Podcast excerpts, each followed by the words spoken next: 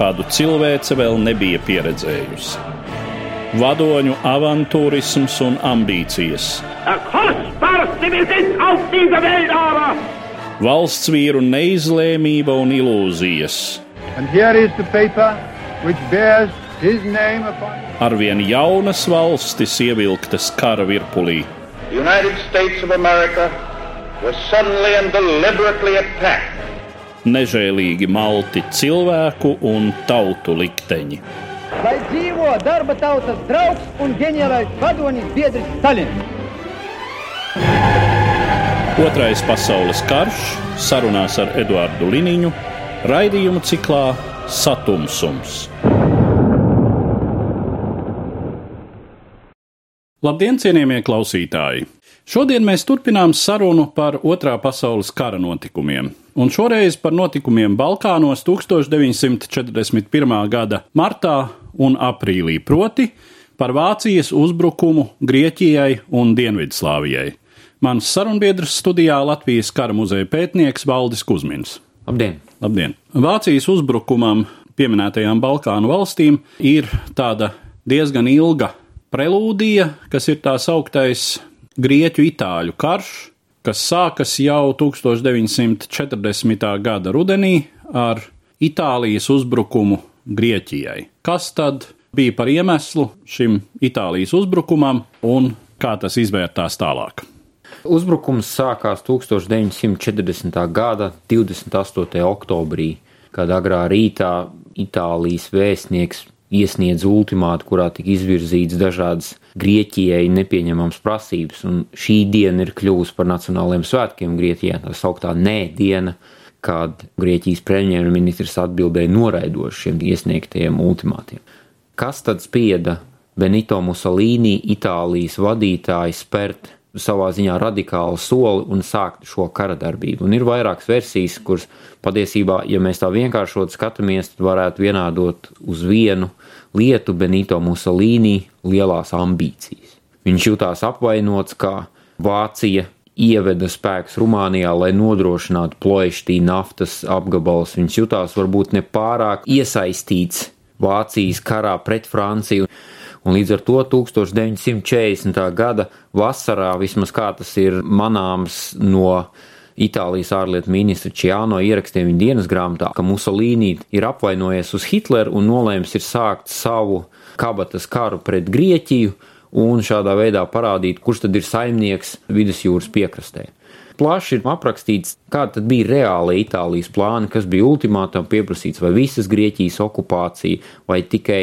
epīras okupācija un tās albāņu minoritāšu tā saucamo tiesību nodrošināšana un tā tālāk un tā tālāk. Katrā ziņā, ja mēs skatāmies no militārās vēstures viedokļa, tad Itālija principā neveica nekādu sagatavošanās priekšdarbus šai te kara darbībai. Tās karaspēka vienības, kas atradās Albānijā, kuru Itālija okupēja 1939. gada 7. aprīlī, šīs vienības bija tās pašas. Mēnesi pirms šī iebrukuma, ja nedaudz vairāk tika veikta karaspēka demobilizācija pēc kara darbības beigām ar Franciju, un nekas neliecināja, ka Itālija pati šeit kara darbībai pieiet ar nepieciešamo nopietnību un rezultāti arī nelika sev ilgi gaidīt. Un Grieķijas panākumi bija nenoliedzami. Tad, ja salīdzinām, cik liela ir Grieķija un cik liela ir Itālija, tad Grieķijas gan bruņoto spēku, gan arī visas Grieķijas tautas līdzdalība šajā karā liecināja, ka mazas valstis, ja viņas grib un šai lietai pieiet nopietni, līdzīgi kā pret Padomju Savienību to izdarīja Somija, Tāpat arī Grieķija pret Itāliju, ja ir nepieciešamā sagatavotība un ir griba, tad arī liels valsts var ciest sakāvis karā. Tātad Itāļu iebrukums tiek visai ātri apturēts, Grieķijas armija dodas pretuzbrukumā, ieņem daļu dienvidu Albānijas, kur tad fronte nostabilizējas uz ziemas mēnešiem. Pavasarī Itāļi mēģina uzsākt jaunu ofensīvu, kas atkal cieši neveiksmi. Viens iemesls, kā jūs jau teicāt, ir tas, ka Itālija nav šim karam nopietni gatavojusies, savukārt Grieķija jau vairākus gadus diezgan nopietni ir gatavojusies karam. Visā valstī ir sagatavotas strateģiskas rezerves, pārtikas krājumi armijai, kara materiāli, ir nopietni veidotas aizsardzības pozīcijas. Protams, pats galvenais tā ir Grieķijas tautas nepārprotama gatavība cīnīties par savu neatkarību. Kas tad ir par iemeslu tam, ka 1941. gada pavasarī karā ir gatava iesaistīties Vācija un nākt palīgā savam sabiedrotajam Itālijai? Karā iesaistīties Vācija bija gatava jau uzreiz 1940. gada rudenī, jau novembra sākumā, novembra beigās notiek apspriest, ko darīt ar šo situāciju.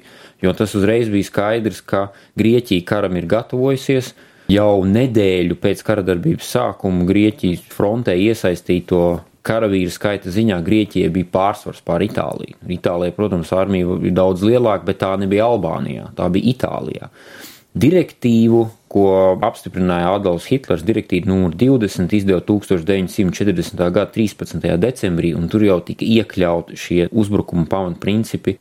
Galvenais iemesls bija ne tikai palīdzēt Musolīnī, Hitlers vairs pieļauj, varbūt nebija tik daudz uztraucies par to, kā jūtās viņa lielākais sabiedrotais, Galvenais dzenūs, kas pamudināja Vāciju iesaistīties kara darbībā pret Grieķiju, bija Britu iesaistīšanās šajā kara darbībā, jo jau 1940. gada oktobra beigās pirmās britu vienības ierodas Krētas salā, tātad Grieķijas teritorijā, kas ļauj Grieķiem atbrīvot vismaz vienu divīziju, kur apsargāja Krētu un pārvest to uz Grieķijas pamat teritoriju un šo britu karaspēku vienību transports turpinās praktiski nu, salīdzinoši nelielā skaitā, sākotnēji tikai uz Krētas salu, bet Grieķijā ierodās Lielbritānijas gaisa spēku vienības lidmašīnas, kas aktīvi piedalās kara darbībā. Un tas nenoliedzami bija galvenais iemesls, kādēļ Hitlers uzskatīja par nepieciešamu iesaistīties šajā kara darbībā un izslēgt no šī kara Grieķiju, un pie reizes arī vājināt Lielbritānijas pozīcijas vidusjūras austrumu piekrastē. Un jāatzīst, ka diezgan bieži literatūrā ir minēts, ka Hitlers īpaši nejūtās iepriecināts par šo iesaistīšanos karā pret Grieķiju. Plānošana uzbrukumam pret Grieķiju jau turpinājās visu ziemu, un skaidrs, ka atšķirībā no itāļiem, kas pilnīgi pārgalvīgi un savā ziņā arī stulbi sāka uzbrukumu ļoti sarežģītos apvidus apstākļos ziemas laikā, Tas ir oktobra beigās, novembrī, kad tur jau sākās sniegputeņi un ļoti nepiemērot apstākļi kara darbībai. Vācieši savu uzbrukumu plānoja un arī vēlāk īstenoja, arī tad, kad šie laika apstākļi kļūst daudz labvēlīgāki. Tas ir 41. gada pavasarī. Skatoties uz Balkānu karti, mēs redzam, ka starp Grieķiju un vācu spēkiem, kas tajā brīdī ir izvietojušies Ungārijā, Rumānijā, vēl ir divas valstis. Tātad ir Dienvidslāvija un ir Bulgārija. Un te laikam ir eh, jāatzīmē, ka arī visu šo kara sagatavošanas laiku notiek ļoti intensīvs diplomātisks spiediens uz šo valstu valdībām, lai eh, panāktu pievienošanos tā sauktajai Trejsavienībai, tātad Vācijas, Itālijas, Japānas Savienībai, un attiecīgi brīvu ceļu vācu spēkiem, iespējams arī šo valstu armiju piedalīšanos uzbrukumā. Pirmkārt ir doma par Grieķiju. Un uh, droši vien mums ir jārunā tālāk par to, kā tad vācieši vispār nonāk līdz Grieķijas robežām. Sākotnēji te ir jāatzīmē, ka Grieķijai bija ilgstošas domstarpības un ilgstoši konflikti ar Bulgāriju. Un tas bija arī viens no Musolīnī gaisa plāniem, ka tik līdz kā Itālija sāks karadarbību pret Grieķiju, šajā karadarbībā iesaistīties arī Bulgārija. Bulgārija tika uzskatīta par vistiešāko ieguvēju no jebkuras Grieķijas sakāves, vienalga Itālijas Grieķijas karadarbībā vai gaidāmajā Vācijas Grieķijas karadarbībā. Un šeit ir jāatzīmē arī, ka visslavenākās sagatavošanās, ko veica Grieķija otrā pasaules kara priekšvakarā, bija savas nocietinātās līnijas izveidošana, kur tika nosaukta premjerministra Metaksas vārdā Metaksas līnija, kas bija uzbūvēta tieši aizsardzībai pret Bulgāriju.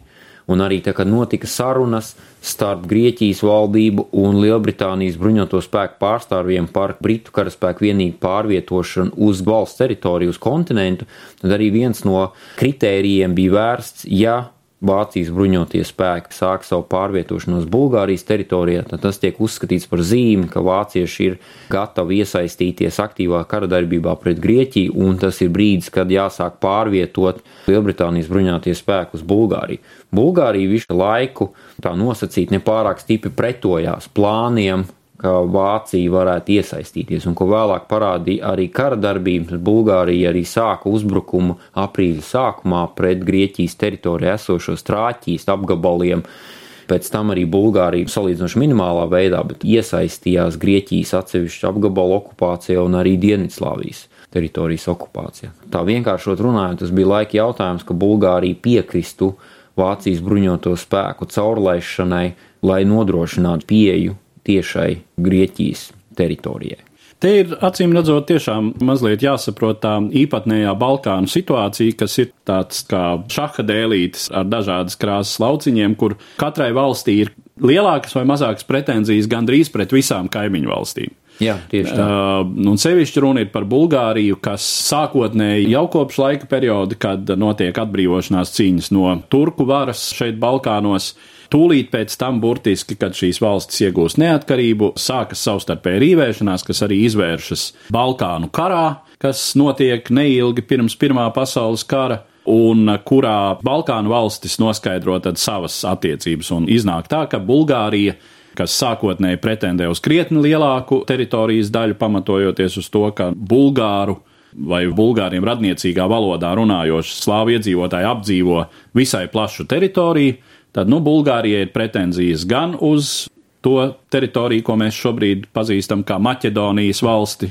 ir konflikts ar Rumāniju par daļu no Melnās jūras piekrastes, ir pretenzijas uz Grieķiju, proti Bulgārija pretendē uz šo Trāķijas teritoriju, kas tai dod izēju uz Egejas jūru, kur Grieķija savukārt eh, negrib pieļaut, un Bulgārijai visi šie kaimiņi, nu, un, protams, ar Turciju jau attiecības kopš veciem laikiem, jā. Gadsimtiem ilgas tradīcijas, jā. Jā, šajā ziņā, un vēl pie tam Bulgārijā dzīvo paliela turku minoritāte. Īsāk sakot, tur var atrast tādus samezglojuma un, un potenciāli konflikta punktus neskaitāmus, Un jebkurš spiediens no ārpuses attiecīgi veido bezmaz vai tādu domino efektu, kā gandrīz neizbēgami notiek kardarbības eskalācija gandrīz uz visām robežām. Un to mēs arī redzam faktiski šai situācijā, jo nevar jau nepieminēt arī to, ka turpat līdzās ir Turcija, kas ir militāri arī diezgan ievērojams spēks tajā laikā, valsts, kas ir karojusi arī pret praktiski visiem kaimiņiem savu robežu dēļ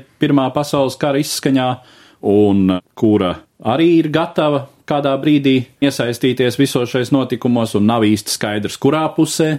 Jo Pirmā pasaules karā tā ir bijusi Vācijas sabiedrotā, bet konkrēti Otrā pasaules kara sākumā tā ir drīzāk labas attiecības ar Lielbritāniju un uh, Bulgāriju, kas arī Pirmā pasaules karā bija Vācijas sabiedrotā. Katrā ziņā viss šis attiecību muģeklis ir kā radīts tam, lai kāds no ārpuses paraujot aiz viena diedziņa tur sāktu risināties ļoti plašs konflikts. Un tādā kontekstā ir arī diezgan labi saprotams, ka neizbēgami vai gandrīz neizbēgami kara darbība pārsviežas tai pašā laikā arī uz Dienvidslāviju.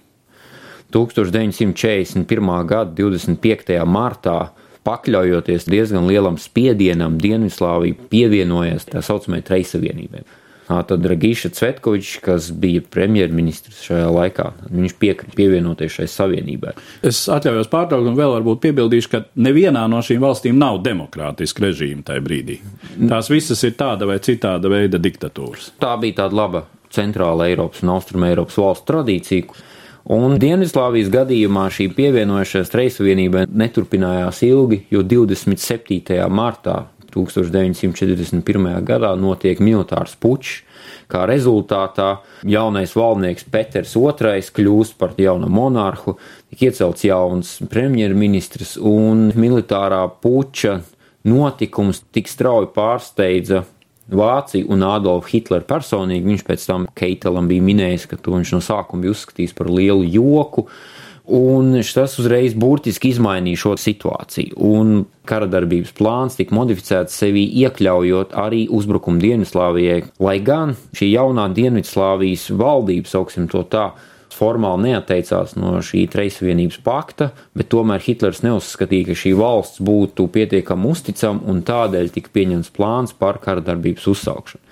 Sākotnējie plāni par karadarbību pret Dienaslāviju eksistēja praktiski visām kaimiņu valstīm. Šeit mēs varam minēt Itāliju, kas jau 1940. gada vasarā un rudenī veida sarunas ar Vāciju, vai gadījumā nevajadzētu uzbrukt Dienvidslāvijai, bet šajā brīdī tas tika atlikts, jo Itālija pat pa sevi šādu uzbrukumu nevarētu veikt, bet Vācija tajā laikā nebija ieinteresēta. Zināms, domstarpības bija arī Ungārijai ar Dienvidslāviju, un Ungārija arī bija gatava piedalīties šajā kara darbībā, ko rezultātā arī darīja ar savu trešo armiju. Draudzīgie kaimiņi bija gatavi izmantot jebkuru iegānstu, lai sāktu uzbrukumu Dienvidslāviju. Un jāmin, ka pati Dienvidslāvija, līdzīgi kā to mēs redzējām pagājušā gadsimta 90. gados, pēc savas būtības nebija vienota valsts. Un arī tad, 1941. gadā, tā patiesībā bija, ja tā vienkāršot sakot, bija Lielserbija ar dažādām citām valstīm. Šeit var minēt Dienvidslāvijas bruņotos spēkus, kur no nedaudz vairāk, ja nemaldos, 160 ģenerāļiem tikai 4 nebija serbi pēc tautības. Tādēļ Vācijas bruņotie spēki diezgan ātri nolēma sākt uzbrukumu. Jo vairāk šī uzbrukuma īstenošana bija salīdzinoši vienkārša, jo varēja iesaistīt spēkus gandrīz no visām četrām debesu pusēm un sākt uzbrukumu, pret kuru aizsardzība būtu praktiski neiespējama, ko arī pierādīja tālākā notikuma attīstība. Tas varbūt ir tas jautājums, kas šobrīd daudziem šķiet uzdodams. Kā varēja notikt, ka salīdzinoši liela un spēcīga valsts, kāda ir Dienvidslāvija, ar salīdzinoši lielu un diezgan labi bruņotu armiju, cieši sagrāvi pāris nedēļās? Kas tam ir par iemeslu? Galvenais iemesls atšķirībā no Grieķijas Dienvidslāvija negatavojās karam. Kā jau mēs sākumā runājām, Grieķija vairākus mēnešus gatavojās karam ar Itāliju un tādēļ bija spējīga pretoties. Sākoties kara darbībai 6. aprīlī Dienvidslāvijas armija nebija pabeigusi savu mobilizāciju. Un, kā jau minēju, kā jau vispār zinām, šī Dienvidslāvijas armija diezgan izteikti balstījās uz vienībām, kas tiek komplektētas no atsevišķām teritorijām. Un, piemēram, Dienvidslāvijas, mūsdienu Slovenijas un Horvātijas ziemeļu daļā atradās, ja nemaldos, 4. un 7. armijas, kas abas bija komplektētas no horvātu un slovēņu lielākoties karavīriem, kuri jau pāris dienas pēc karadarbības sākuma sāka padoties gūstā un neuzskatīja par nepieciešamu varonīgi krist kaujā par Lielserbijas idejām. Problēma bija tāda, ka karadarbības sākumā eksistējošie aizsardzības plāni, viens no tādiem galvenajiem šī plāna sastāvdaļām bija Dienvidslāvijas armijas uzbrukums Albānijai ar mērķi iznīcināt Itālijas bruņoto spēku vienības šeit, lai pēc tam izveidot līdzīgi kā bija Pirmā pasaules kara laikā, tā saucamā Salonika fronte, Dienvidslāvijas bruņoto spēku vienības apvienot ar Grieķijas bruņoto spēku vienībām un izveidot vienotu frontes situāciju. Jo galvenā problēma bija tīri geogrāfiska.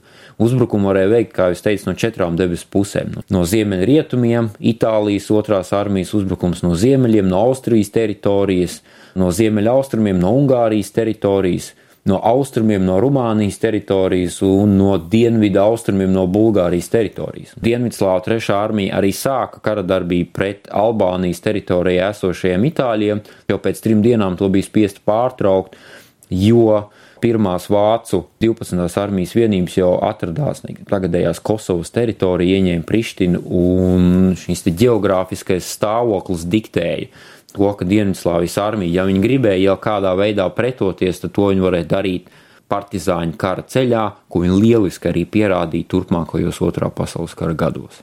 Tātad Vācija tomēr pārsteidzoši operatīvi pārskaņo šos savus uzbrukumu plānus, kas sākumā ir vērsti tikai pret Grieķiju un uzbruk vienlaicīgi Grieķijai un Dienvidslāvijai.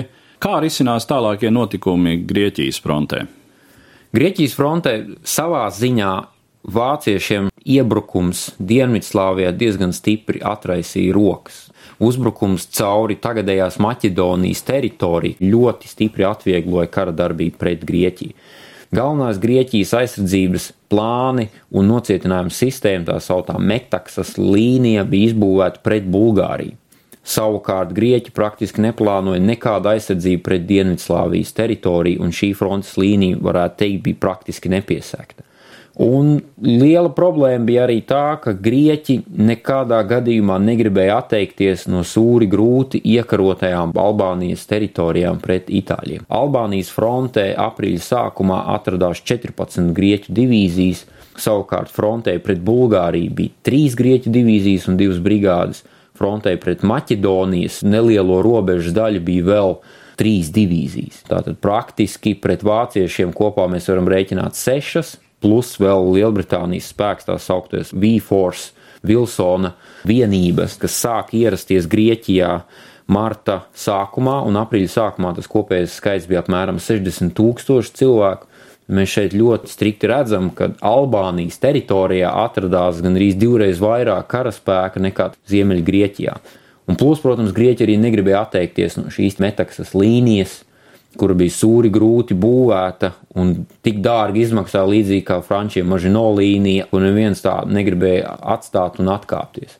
Lai gan Briti mēģināja pierunāt atkāpties uz īsāku aizsardzības līniju un vieglāk aizstāvāmu, tomēr Grieķi tam nekādā gadījumā negribēja piekrist, lielākoties aiz morāliem un politiskiem apsvērumiem, Un līdz ar to uzbrukums, kurš sākās 6. aprīlī, tas jau 9. aprīlī praktiski jau bija beidzies. Un galvenās triecienu vienības bija ne tik daudz vācu kalnu strēlnieki, kas uzbruka pret šo nocietināto līniju, bet gan 40. tanku korpusa vienības, kas iebruka Dienvidslāvijā un pēc tam tālāk dienvidu virzienā uz Grieķijas vidieni, kā arī otrā tanku divīzija, kas vienkārši apbrauc apkārt Metaksas līnija un jau 9. aprīlī nokļuva Egejas jūras piekrastē un ieņēma lielo Tesaloniku pilsētu. Līdz ar to visas šīs Grieķu otrās armijas daļas, kas atradās Trāķijas un Maķedonijas austrumu daļā, bija spiestas kapitulēt jau pāris dienas pēc kara darbības sākuma. Pēc tam tālāk tas jau bija lavīnas efekts. Epīras armijas komandieris Colakoglu atteicās atkāpties arī no Albānijas, lai nedotu itāļiem uzvaras garšu. Un līdz ar to šī epīras armija arī praktiski pāris dienas laikā, jau aprīļa vidū, ir spiesta lielākoties kapitulēt. Un jau līdz 24. aprīlim praktiski Grieķijas ziemeļdaļa un arī Grieķijas vidiene jau ir vācu un itāļu karaspēku vienība ieņemta. Un Šajā brīdī jau galvenais spēks, kas aizstāv Grieķiju, lielākoties tie ir šīs V-Force, Jaunzēlandes divīzijas un Austrālijas divīzija karavīri, kas sāk aizsargāt slavenu termopīlu pārēju, kuras aizstāvība beidzās tikpat traģiski kā pirms pāris tūkstošu gadiem. Tad viņi apiet līdzīgi kā apgāja spartiešus, un jau 27. aprīlī vācu motorizētās vienības iebrauc Grieķijas galvaspilsētā Atēnās un jau burtiski nākamajās dienās pieņemts lēmums par Lielbritānijas bruņoto spēku vienību evakuāciju no Grieķijas pamatteritorijas uz Krētas salu. Viena mēneša laikā Grieķijas aizstāvība ir beigusies, un šeit varētu tikai minēt, kā būtu, ja Grieķijas bruņoto spēku vadība būtu piekritusi ieņemt taktiski daudz prātīgākas aizsardzības līnijas, nekā viņi to izdarīja īstenībā. Vēl droši vien pāris vārdos vērts pieminēt, kas notiek ar Krētas salu. Apmēram mēnesi vēlāk Briti un Grieķi spiest atstāt arī šo pēdējo neieņemto Grieķijas teritoriju. Krētas ieņemšana ir savā ziņā tāds revolucionārs solis militārajā vēsturē, jo Krētas salas ieņemšana bija pirmā militārā operācija pasaules vēsturē, kuru veids tikai gaisa desanta vienības operācija Merkūrs, kas sākās 1941. gada 20. maijā. Un galvenie teiksim, aktieri bija tieši vācu gaisa spēka desantnieki un Wehrmachtā planieru strēlnieki, vai kā lai viņus sauc. Līdz 20. maijam, līdz brīdim, kad sāk šī operācija, Krētas salā atrodas apmēram 15,000 austrāliešu un angļu, nedaudz vairāk par 6,000 jaunzēlandiešu un apmēram 10,000 grieķu, kuru kaujas spējas bija diezgan apšaubāmas. Un galvenais uzbrukums bija vācu gaisa spēka 8. korpus, kura galvenās trieciena vienības bija kopumā apmēram 15,000 gaisa desantnieki. Tur bija dažādas karaspēka vienību pārvietošanas tehnoloģijas, gan šie planieri, kas nosēdās ieņemtos lidlaukos, gan tie, kas patiešām izsēdās ar izpletņiem, kas bija diezgan liels pārsteigums. Gan Britiem, un savā ziņā arī diezgan liels sasniegums, lai gan diezgan bieži šo operāciju mēdz dēvēt par pirra uzvaru, jo lielie zaudējumi gaisa desanta operācijas laikā pavilka tā treknu svītru pāri nākamajiem plāniem. Tā patiesībā bija pirmā un varētu teikt arī pēdējā lielā gaisa desanta operācija, ko Vācu bruņoties spēki veica. No 15,000, kas šajā operācijā ņēma dalību, 4,000 krita un 2,600 tika ievainoti. Un lidmašīna zaudējumi, varētu teikt, bija tikpat katastrofāli no kopumā iesaistītajiem nepilnu tūkstošu lidmašīnām 370 tika bojātas vai iznīcinātas, no kuriem lielākā daļa bija transporta lidmašīnas. Lai gan gaisa desanta sastāvdaļa bija sekmīga, tad Krētas sala ieņēma un Briti bija spiesti no Krētas salas evakuēties ar ļoti smagiem zaudējumiem, ar 4000 kritušo un apmēram 17,000 gūstā saņemto. Tomēr šeit arī ne viss gāja tik gludi, jo operācijas sastāvdaļa bija arī jūras desants, apmēram 7,000 kalnu strēlnieku, kas pārvietojās nelielos grieķu zvejnieku kuteros un kurus Britu kara flote pārķēra atklātā jūrā.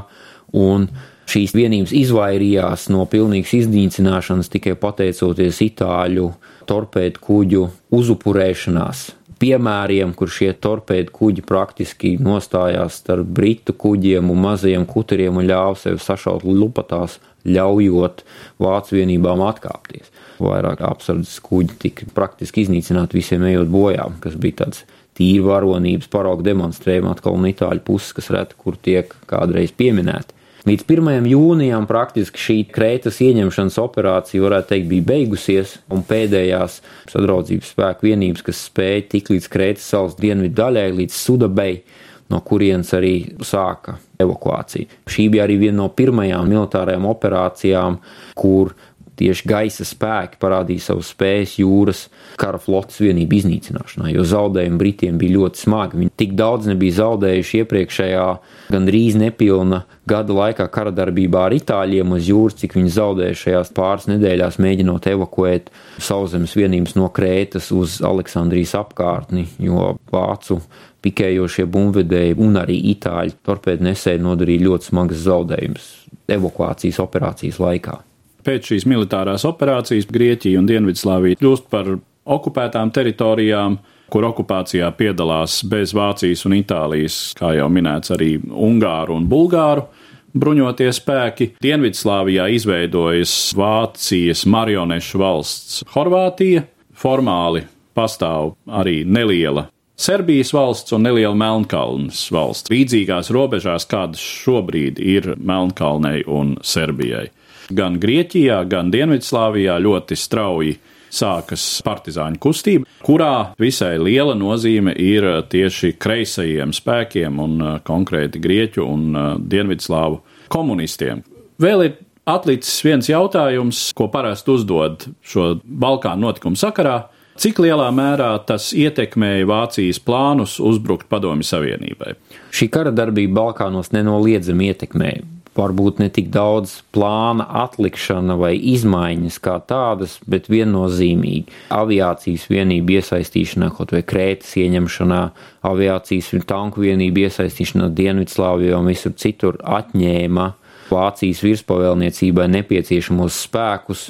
Spekulācija vienmēr ir diezgan plaša, cik ļoti, piemēram, mēnesis Jā, ja kara darbība sāktos nevis 22. jūnijā, bet piemēram 22. maijā vai 1. jūnijā, vai Vācijas bruņotajiem spēkiem pietiktu labais laiks, lai viņi varētu aizbraukt, pieņemsim, līdz Maskavai, nevis pa dubļu ceļiem, kā viņi to darīja 41. gada oktobrī, novembrī, bet, piemēram, to darīt jau pa sausiem ceļiem augustā, septembrī.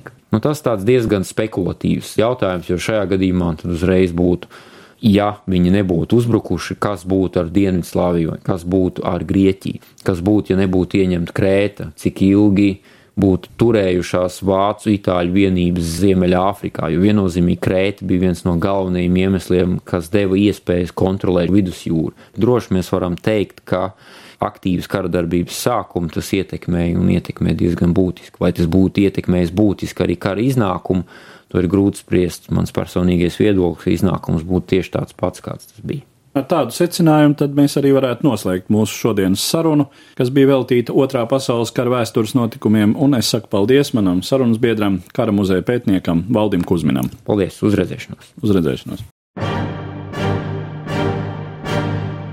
Raidījumā šīs dienas acīm cikls Satumsums Sarunas par Otro pasaules karu.